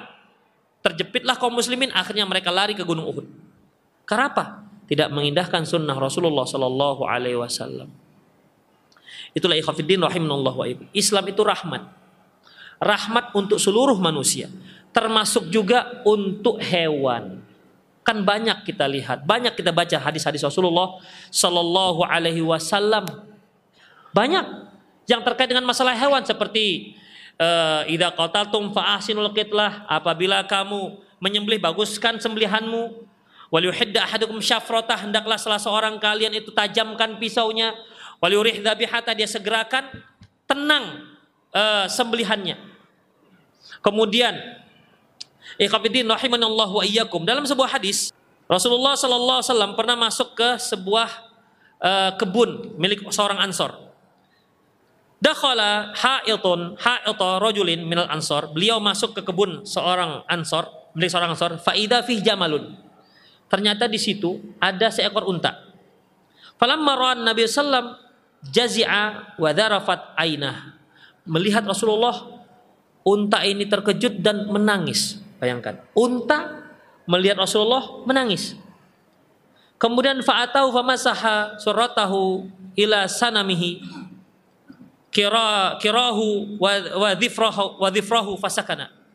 Lantas Rasulullah pun datang, dia usap uh, apa namanya pusatnya, terus usap dia, beliau usap uh, punuknya sampai unta ini pun berhenti menangis. Kemudian faqala, "Marabu hadal jamal?" Siapa pemilik unta ini kata Rasulullah? Siapa pemilik unta ini? Qala huwa li ya Rasulullah. Orang Ansar mengatakan itu milik saya ya Rasulullah. Emang kenapa? Ala tattaqillah azza wa jalla fi hadzal fi hadil bahimah allati Allah taala iya? Tidakkah kamu takut kepada Allah terhadap unta ini yang telah Allah berikan dia kepada kamu?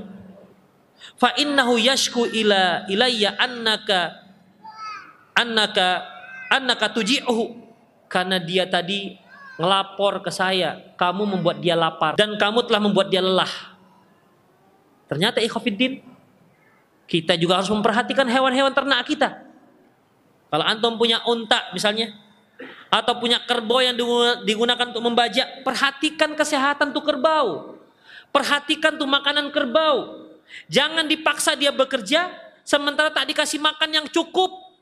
Tuh, apa ada agama selain ini? yang memperhatikan seperti ini. Coba lihat agama mana pun. Tidak ada yang memperhatikan seperti ini. Sampai hewan-hewan pun diperhatikan. Kemudian ikhwatiddin rahimanallahu wa iyyakum. Ingat kisah seorang pelacur yang memberi minum seekor anjing? Tidak ada sampah dengan masyarakat yang lebih sampah ketimbang pelacur. Dan tidak ada hewan yang lebih najis ketimbang anjing. Kalau anjing menjilat bejana kita, Rasulullah katakan, "Idza walagal kalbu fi syirabi ahadikum fi ina'i ahadikum falyaghsilu sab'a marrat, ulahunna biturab." Kalau ada anjing menjilat bejana kamu, basuh dia tujuh kali, salah satu dengan tanah. Kalau babi yang menjilat gimana? Basuh kan basuh tujuh kali nggak? Hah? Kalau babi yang menjilat, yang pertama ada nggak lidah babi? Ada, saya kira ada ya. Ada, ada. Taib, kalau ada piring antum dijilat babi, mungkin lagi rekreasi ke ke Samosir mungkin begitu kan. Masuk babi ke dalam kemah. Misalnya, apakah dicuci tujuh kali? Tujuh kali enggak? Apakah dicuci tujuh kali? Enggak. Karena yang diperintahkan cuci tujuh kali yang satu dengan tanah itu hanya anjing. Inilah hewan yang diberi minum oleh seorang pelacur. Ternyata Allah bersyukur kepada dia dan Allah masukkan dalam surga. Kenapa? Kebaikan dengan terhadap seorang seadab seekor hewan, anjing walaupun dia anjing sekalipun. Makanya Rasulullah katakan, "Fi kulli kabrin ajr." Terhadap setiap hati yang basah ada apa? Ada pahalanya. Jadi ketika kita memberi makan hewan, itu ada pahalanya yang khafidin. Ada kucing datang, antum beri ikan misalnya ataupun tulang, itu ada pahalanya. Jadi jangan ditendang dia. Ada kucing ditendang sampai 3 meter. Apakah itu zolim? Zalim. Dan itu akan dipertanggungjawabkan di hadapan Allah Subhanahu wa taala. Kasih dia makan. Kalau mau usir, usir dengan cara yang bagus-bagus. Ya usir yang bagus lah. Usir terhadap hewan lah ya. Usir dengan cara yang bagus yang sesuai dengan hewan, bukan monggo Pak. Nah, nah begitulah ya. Ya usir ya karena dia hewan lah. Demikian. Disesuaikan akhlaknya dengan hewan. Begitu. Itu ikhwatiddin. Jadi itu semua ada aturannya dan itu semua merupakan aturan Islam. Ingatkah antum ketika Rasulullah Shallallahu Alaihi Wasallam pergi bersama para sahabat? Kemudian Rasulullah pergi untuk hajat beliau.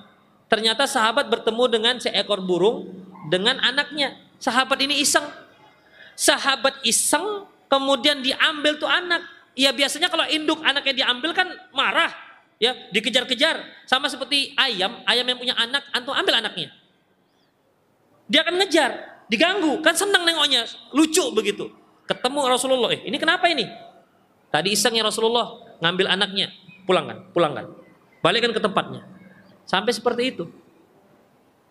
Kemudian beliau lihat lagi ada sarang semut yang dibakar. Siapa yang bakar ini? Kami Rasulullah. Kenapa kamu bakar? Fa innahu la yu'adzabu bin nar illa rabbun nar. Karena tidak ada yang layak membunuh ataupun menyiksa dengan api kecuali Tuhannya api itu Allah Subhanahu wa taala. Enggak boleh. Misalnya antum di rumah antum, di rumah kita banyak wabah tikus. Habis pakaian kita dibolongin, lemari kita dibolongin. Dapat nih tikus, hmm, kamu rupanya ya. Taruh des kompor. Hmm. Hmm. hmm. Biar tahu dia dulu. Itu baju baru. Hmm. Boleh? Gak boleh. Mati, matikan saja. Tidak boleh disiksa ikhwafiddin. Antum jengkel dengan nyamuk, beli reket yang listrik itu. Tes, tes, tes, tes, tes, tes. Terbakar, gak boleh. Kenapa? Dibakar. Kalau bunuh, bunuh saja. Jangan dibakar. Itulah ikhwafiddin. Itu hanya dalam Islam. Kita tunjukkan akhlak ini.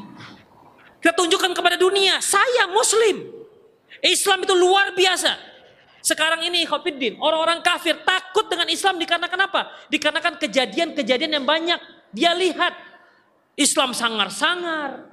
Ya, tidak dia lihat kelembutan ada pada Islam. Sehingga mereka takut apalagi berjenggot. Apalagi berjenggot.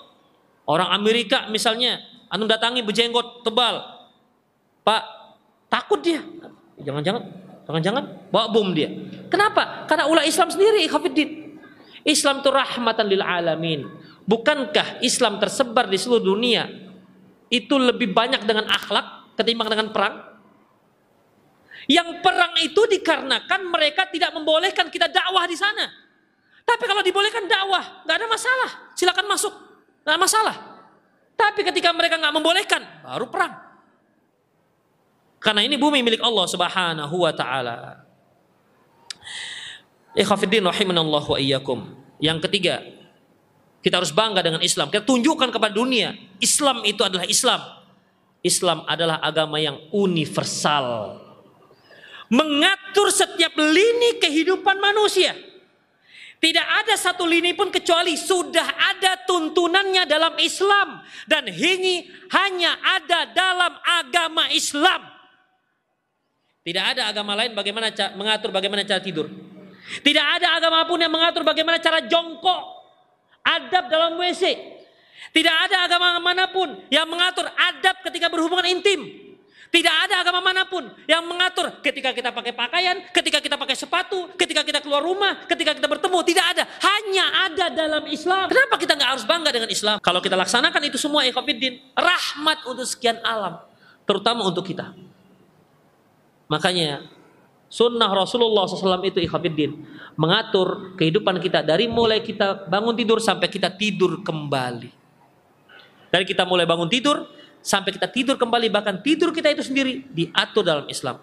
Kalau kita ingin menjadi rahmat bagi sekalian alam, laksanakanlah dua wahyu yaitu Quran dan Sunnah Rasulullah SAW. Dan satu hal ikhafidin yang terakhir itu semua tidak bisa kita dapati kecuali dengan cara belajar ngaji. Kalau nggak ngaji nggak tahu ikhafidin. Kalau nggak belajar nggak tahu. Makanya kata Rasulullah, "Man salaka tariqan yaltamisu fil ilma, sahhalallah tariqan ilal jannah." Barang siapa yang menempuh jalan untuk menuntut ilmu, Allah mudahkan dia jalan menuju surga. Kenapa? Dia sudah punya teorinya. Dia sudah punya maklumat jalan menuju surga. Dari mana dia dapati? Dari belajar tadi, dari membaca tadi, dari memiliki buku-buku yang dibaca, dari membeli buku-buku yang dibaca. Ingat, membeli buku-buku yang dibaca. Karena banyak orang hobinya beli buku tapi nggak dibaca. Bahkan sudah tiga tahun masih laminating aja. Dipajangkan di ruang tamu. Wih, Fatul Bari terjemahan, tafsir terjemahan, yang begini-begini semua. Tapi masih kok halus begitu. Tidak ada rusak yang sedikit pun. Berarti nggak dibaca. Itulah ikhwatiddin rahimanallah wa iyyakum. Ya, kalau kita bicara tentang Islam terlalu luas, ya, terlalu luas nikmat yang Allah berikan kepada kita tentang Islam. Oleh karena itu, al-yauma akmaltu lakum dinakum. Hari ini kata Allah telah kusempurnakan untuk kalian agama kalian. Al-yauma akmaltu lakum dinakum wa atmamtu alaikum ni'mati. Telah kusempurnakan untuk kalian nikmatku yaitu Islam. Islam ada nikmat yang sempurna untuk umat manusia.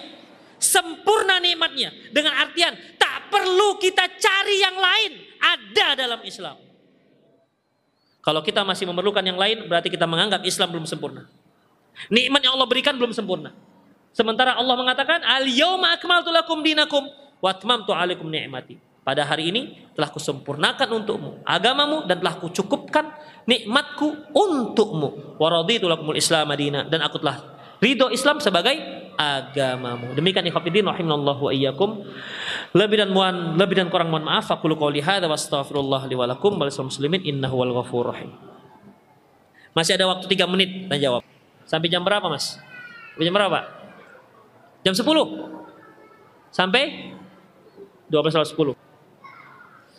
Assalamualaikum Ustaz, ibu saya seorang mu'alaf dan masih banyak keluarga dari ibu saya ini yang kafir. Bagaimana dengan mencintai orang kafir sementara mereka adalah orang tua dari ibu saya, nenek dari saya sendiri. Saya selalu mendoakan mereka agar mendapatkan hidayah.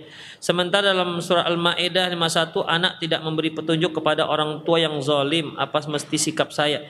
Eh Khafidin perhatikan. Perhatikan. Ingat ini, Islam tidak memutus tali persaudaraan. Ingat, Islam tidak memutus tali persaudaraan selama selama yang kafir tidak memerangi Islam. Ada seorang sahabiah datang kepada Rasulullah Sallallahu Alaihi Wasallam. Dia bertanya tentang ibunya masih seorang musyrik. Apakah dia tetap wajib untuk berbakti kata Rasulullah iya ya iya bukankah Allah Subhanahu wa taala mengatakan wa in jahadaka ala an tusyrika bi ma laysa laka bi ilmun fala tuti'huma. Apabila kedua orang tua kalian berusaha untuk mengajak kalian untuk berbuat syirik fala tuti'huma jangan kalian taati. Tapi wasahibuhuma fid dunya ma'rufa dan kalian tetap berteman dengan cara yang baik kepada mereka bergaul dengan cara yang baik. Jadi seorang muslim jika dia memiliki orang tua yang kafir wajib berbakti kepada orang tuanya selama orang tuanya tidak menyuruh perbuatan yang melanggar syariat. Misalnya nih, orang tua nelpon, "Nak, tolonglah mama kehabisan beras ini." Anaknya muslim, tidak bisa saya mengatakan, "Mak, mama kan kafir." Orang kafir nggak bisa kasih beras. Wajib kasihkan dia. Wajib. Kenapa? Dia masih orang tua kita. Jadi ingat, Islam tidak memutus. Tidak memutus tali keluarga. Kecuali kalau mereka memerangi. Kalau mereka menjual, kita beli. Lihat ketika perang perang Badar dimulai, itu kan duel. Duel tiga orang. Itu antar keluarga itu. Kenapa? Mereka memerangi. Kalau mereka memerangi Islam, maka kita tidak boleh mencintai mereka. La tajidu qauman yu'minuna billahi wal yawmil akhir yuwadduna man hadallahu wa rasulah. Tidak akan ada kamu dapat orang yang beriman terhadap Allah dan hari akhirat mencintai orang yang memusuhi Allah dan Rasulnya. Gak boleh. Ini masalah akidah sudah. Ya. Tapi kalaupun mereka ya sudahlah nak lakum dinukum waliyadin eh, itu bahasa bahasa kita ya. Ya, bagimu agamu, bagi saya bagi udahlah kita masing-masing saja. Berarti sudah berbuat baik, wajib hukumnya ikhafidin ya dan tetap mendoakan mereka. Ingat kisah Nabi Ibrahim alaihissalam. Jengkel ayahnya melihat Nabi Ibrahim. Kenapa? Asik berdakwah supaya bertauhid, jangan cuma berhala. Sementara ayahnya profesinya buat berhala, kan hilang profesinya. Kalau orang-orang mengikuti agama Nabi Ibrahim, kan bangkrut usahanya. Sementara ayah Nabi Ibrahim usahanya pembuat Tuhan. Kalau manusia, orang-orang pada waktu itu menyembah Allah, kan orang nggak perlu lagi patung-patung ini. Marah. Ayahnya Nabi Ibrahim apa katanya? Ibrahim la illam tantahi la arjumannaka la arjumannaka wahjurni malia. Ibrahim kalau kamu enggak menghentikan dakwahmu ini ya la arjumannaka aku akan rajam kamu. Atau kamu minggat. Apa kata Nabi Ibrahim? Qala salamun alaika sa'astaghfirullah rabbi innahu kana bihafiyya kalau begitu wahai anda wahai, wahai ayahandaku salam selamat tinggal begitu Ya, sama tinggal. Innahu aku akan minta ampun kepada Allah untukmu. Itu janji Nabi Ibrahim padahal dia usir. Padahal dia diusir. Coba bayangkan ikhwatiddin, kita diusir dari rumah, kemudian dalam pengasingan kita kata berdoa, "Ya Allah, ampunlah dosa orang yang mengusir saya." Begitulah kira-kira. Memang begini Islam. Idfa' billati ahsan. Balas dengan cara yang baik. Ngomongnya mudah, prakteknya. Kita ditonjok orang, ditunjuk di, ditonjok orang misalnya, dipijak orang kaki kita dengan sengaja. Maunya kita kan kita pijakkan lagi. Apa semboyannya? Semut dipijak gigit. Apalagi saya, kan begitu semboyan kita. Itulah, tapi sebenarnya Islam nggak begitu. Kalau bisa dibalas dengan cara yang baik, balas cara yang baik.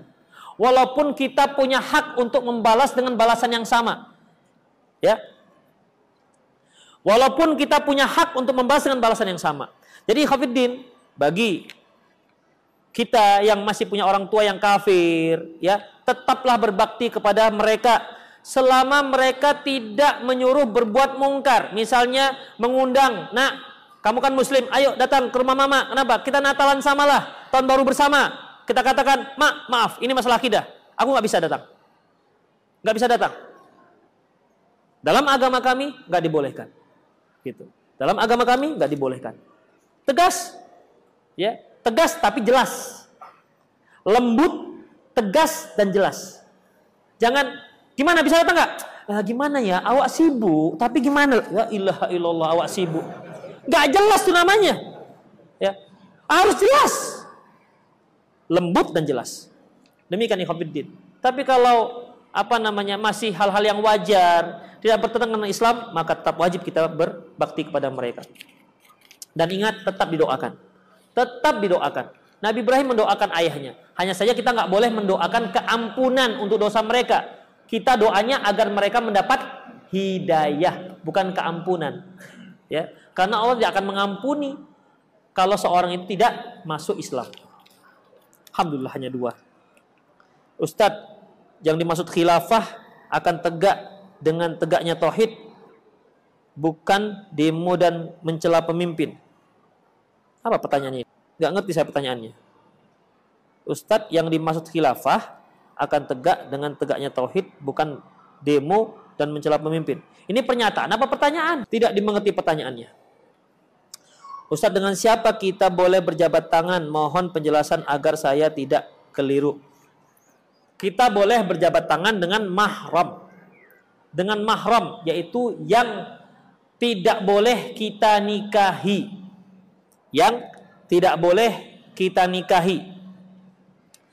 Yang pertama Khafiddin kaitannya kaitan deng, dikarenakan nasab keturunan. Kalau keturunan ini bisa ke atas, bisa ke bawah dan bisa ke samping. Ke atas artinya apa? Ikhafiddin uh, ayah, nenek, terus sampai ke atas. Baik dari pihak baik dari pihak apa namanya? Pihak ibu kita maupun pihak ayah, terus ke atas kalau antum masih punya neneknya nenek masih hidup, ya masih boleh antum salami.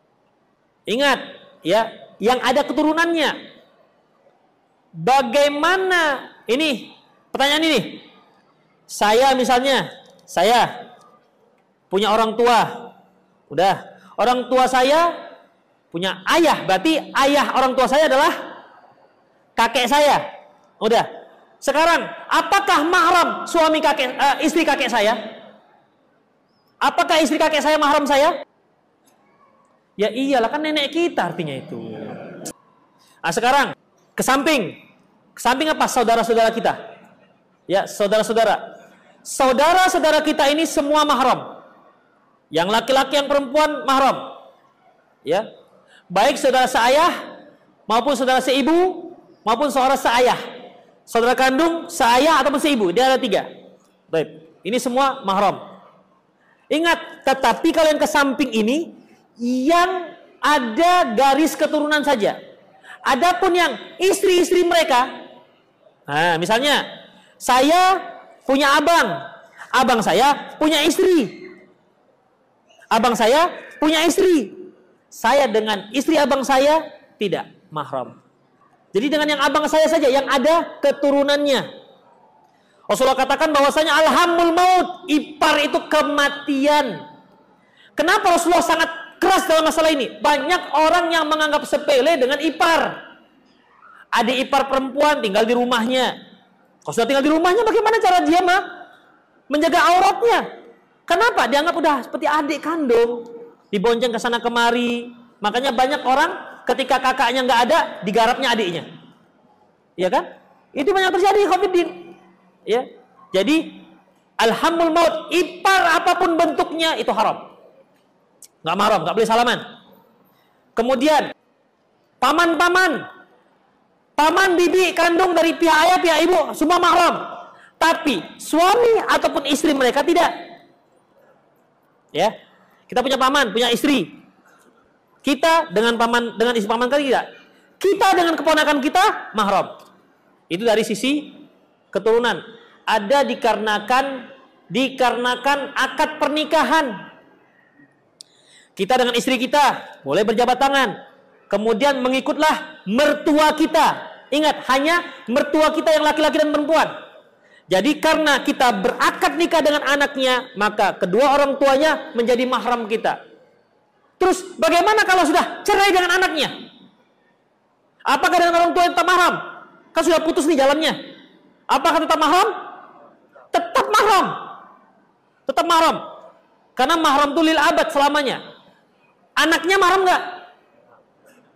Kalau sudah putus nggak mahram lagi. Ada demikian. Baik. Uh, apa namanya?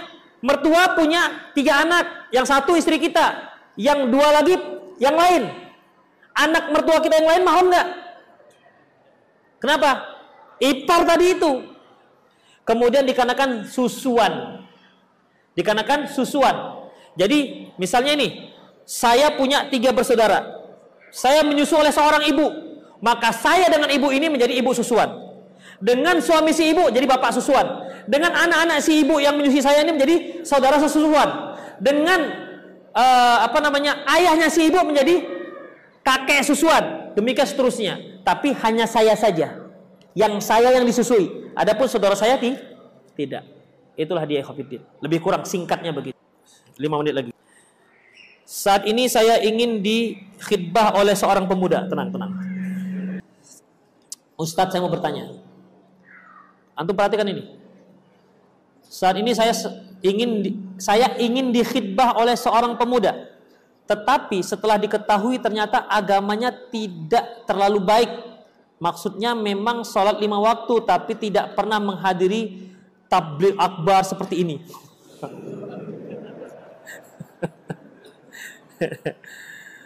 Apakah dia bisa menjadi imam di keluarga atau tidak Ustadz? Kalau dia tidak bisa menghadiri majlis takbir akbar seperti ini, Ikhwafiddin. Belum selesai. Kalau dia tidak bisa menghadiri majlis tabligh akbar seperti ini, Ikhwafiddin, tapi dia ngaji sering, yang nggak tabligh akbar, silahkan terima.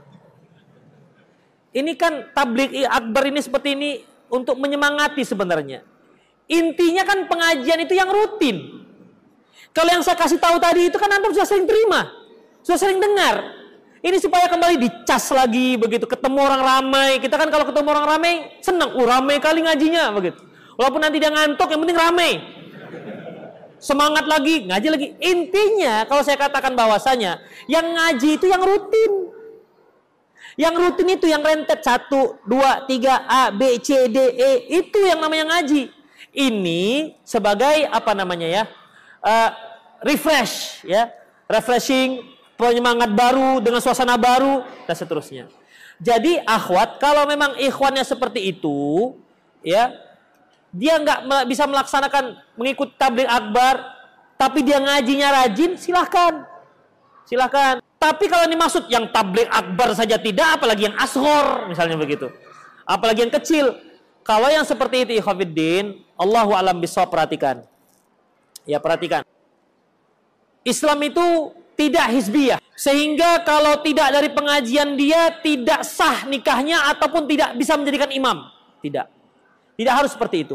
Ketika seantum seorang ikhwan yang mengaji, bolehkah saya melamar akhwat-akhwat yang lain yang nggak ngaji? Silakan. Silakan. Tapi tetap perhatikan yang hanif, yang lurus, yang mudah diatur. Silahkan. Tetapi kalau antum salah pilih, ingat seperti Abdurrahman bin Muljam. Abdurrahman bin Muljam itu adalah utusan Umar bin Khattab untuk mengajarkan penduduk Mesir Al-Quran. Tapi dia bertetangga dengan seorang khawarij Kemudian istrinya seorang khawarij. Sehingga dia menjadi orang khawarij. Bayangkan Ikhafiddin. Sangkin militannya. Dia membunuh Ali bin Abi Thalib dengan membaca Al-Quran. Bayangkan, membunuh Ali bin Abi Thalib membaca Al-Quran. Biasanya kalau pembunuh itu kan ciat begitu aja. Ini enggak, dia bunuh wa minan nasi mayashri nafsahu. Dia bunuh Ali bin Abi Thalib dengan keyakinan itu sebuah ibadah mengharapkan ridho Allah Subhanahu wa taala. Istri juga sangat berpengaruh Khafiddin. Makanya saya bukan nakut-nakuti. Istri itu berpengaruh terhadap pemikiran kita. Ya. Kalau seandainya seorang akhwat masih ragu, ya sudah. Nggak usah diterima Bukan berarti gara-gara ngaji nggak ngajinya ikhwafiddin. Karena banyak akhwat kita yang dilamar oleh seorang ikhwan yang tadinya nggak ngaji sekarang menjadi bagus. Banyak juga yang tadinya akhwat kita dilamar oleh seorang ikhwan ternyata bisa diajak ngaji akhirnya menjadi bagus juga, ya. Tapi itulah kalau memang masalahnya masalah pendamping hidup jangan coba-coba. Ya. Jangan spekulasi. Karena masalah masalah agama, masalah yang prioritas. Fadfar bidzatid din taribat yadak. Pilih yang agamanya bagus. Maka kamu akan beruntung. Adapun masalah harta, ketampanan, kecantikan, nasab, itu tidak saya katakan nggak perlu, tapi tidak seperlu agama. Kalau dia cantik, ya paling sebulan, dua bulan, tiga bulan. Kalau sudah kita lihat hari-hari dia, tentu jadi biasa-biasa saja. Ya kan? Yang akhlak yang menjadi intinya. Ya kalau antum Pertama lihat istri antum cantik, kemudian antum tahu dia gimana tidurnya, ilernya juga tahu gimana jatuhnya. Apa cantik lagi tuh? Kan enggak juga ikhwatiddin. Akhirnya apa? Yang menghiasi tinggal akhlak. Jadi saran saya pada ni akhwat, kalau memang tidak yakin, tidak yakin, namanya juga memilih seorang pemimpin. Pemimpin dunia akhirat. Maka ya sudah, katakan saja, jangan ditolak. Jangan tolak, katakan saja saya belum siap. Saya belum siap menikah dalam hati dengan ente. Satu lagi ikhafidin, pertanyaan. Ustadz, apakah dengan memakai peci, lobe setiap saat itu tandanya mencintai bahwa kita seorang muslim? Salah satu, ya. Salah satu ciri khas. Makanya para ulama kita menyatakan bahwasanya nggak membuka kepala itu salah satu khawarim meruah di tempat mereka. Tapi kalau tempat kita kan tidak mengapa. Ya. Topi ini ikhwafiddin salah satu tanda. Tanda. Sama seperti kalau kita pakai teluk belanga. Ya kan? Pakai baju koko. Itu kan tanda-tanda pakaian orang yang baik. Ya kan? Dibandingkan kalau dia pakai baju ketat, ada rumbi-rumbi di sini, di sini rumbi-rumbi, ya. Ini pasti koboi nyasar ke Medan. Itu ikhwafiddin. Jadi ini salah satu ciri di tempat kita yang pakai peci, yang pakai lobe, ciri-ciri dia seorang muslim zohirnya. Ada juga di kedai-kedai tua tuh pakai peci begini kan, ya kan? Ada. Tapi kan nampak bentuknya. Demikian ikhwatiddin, ya. Yalah itu ikhwatiddin semoga bermanfaat. Aku lu qauli hadza wa astaghfirullah li wa lakum wa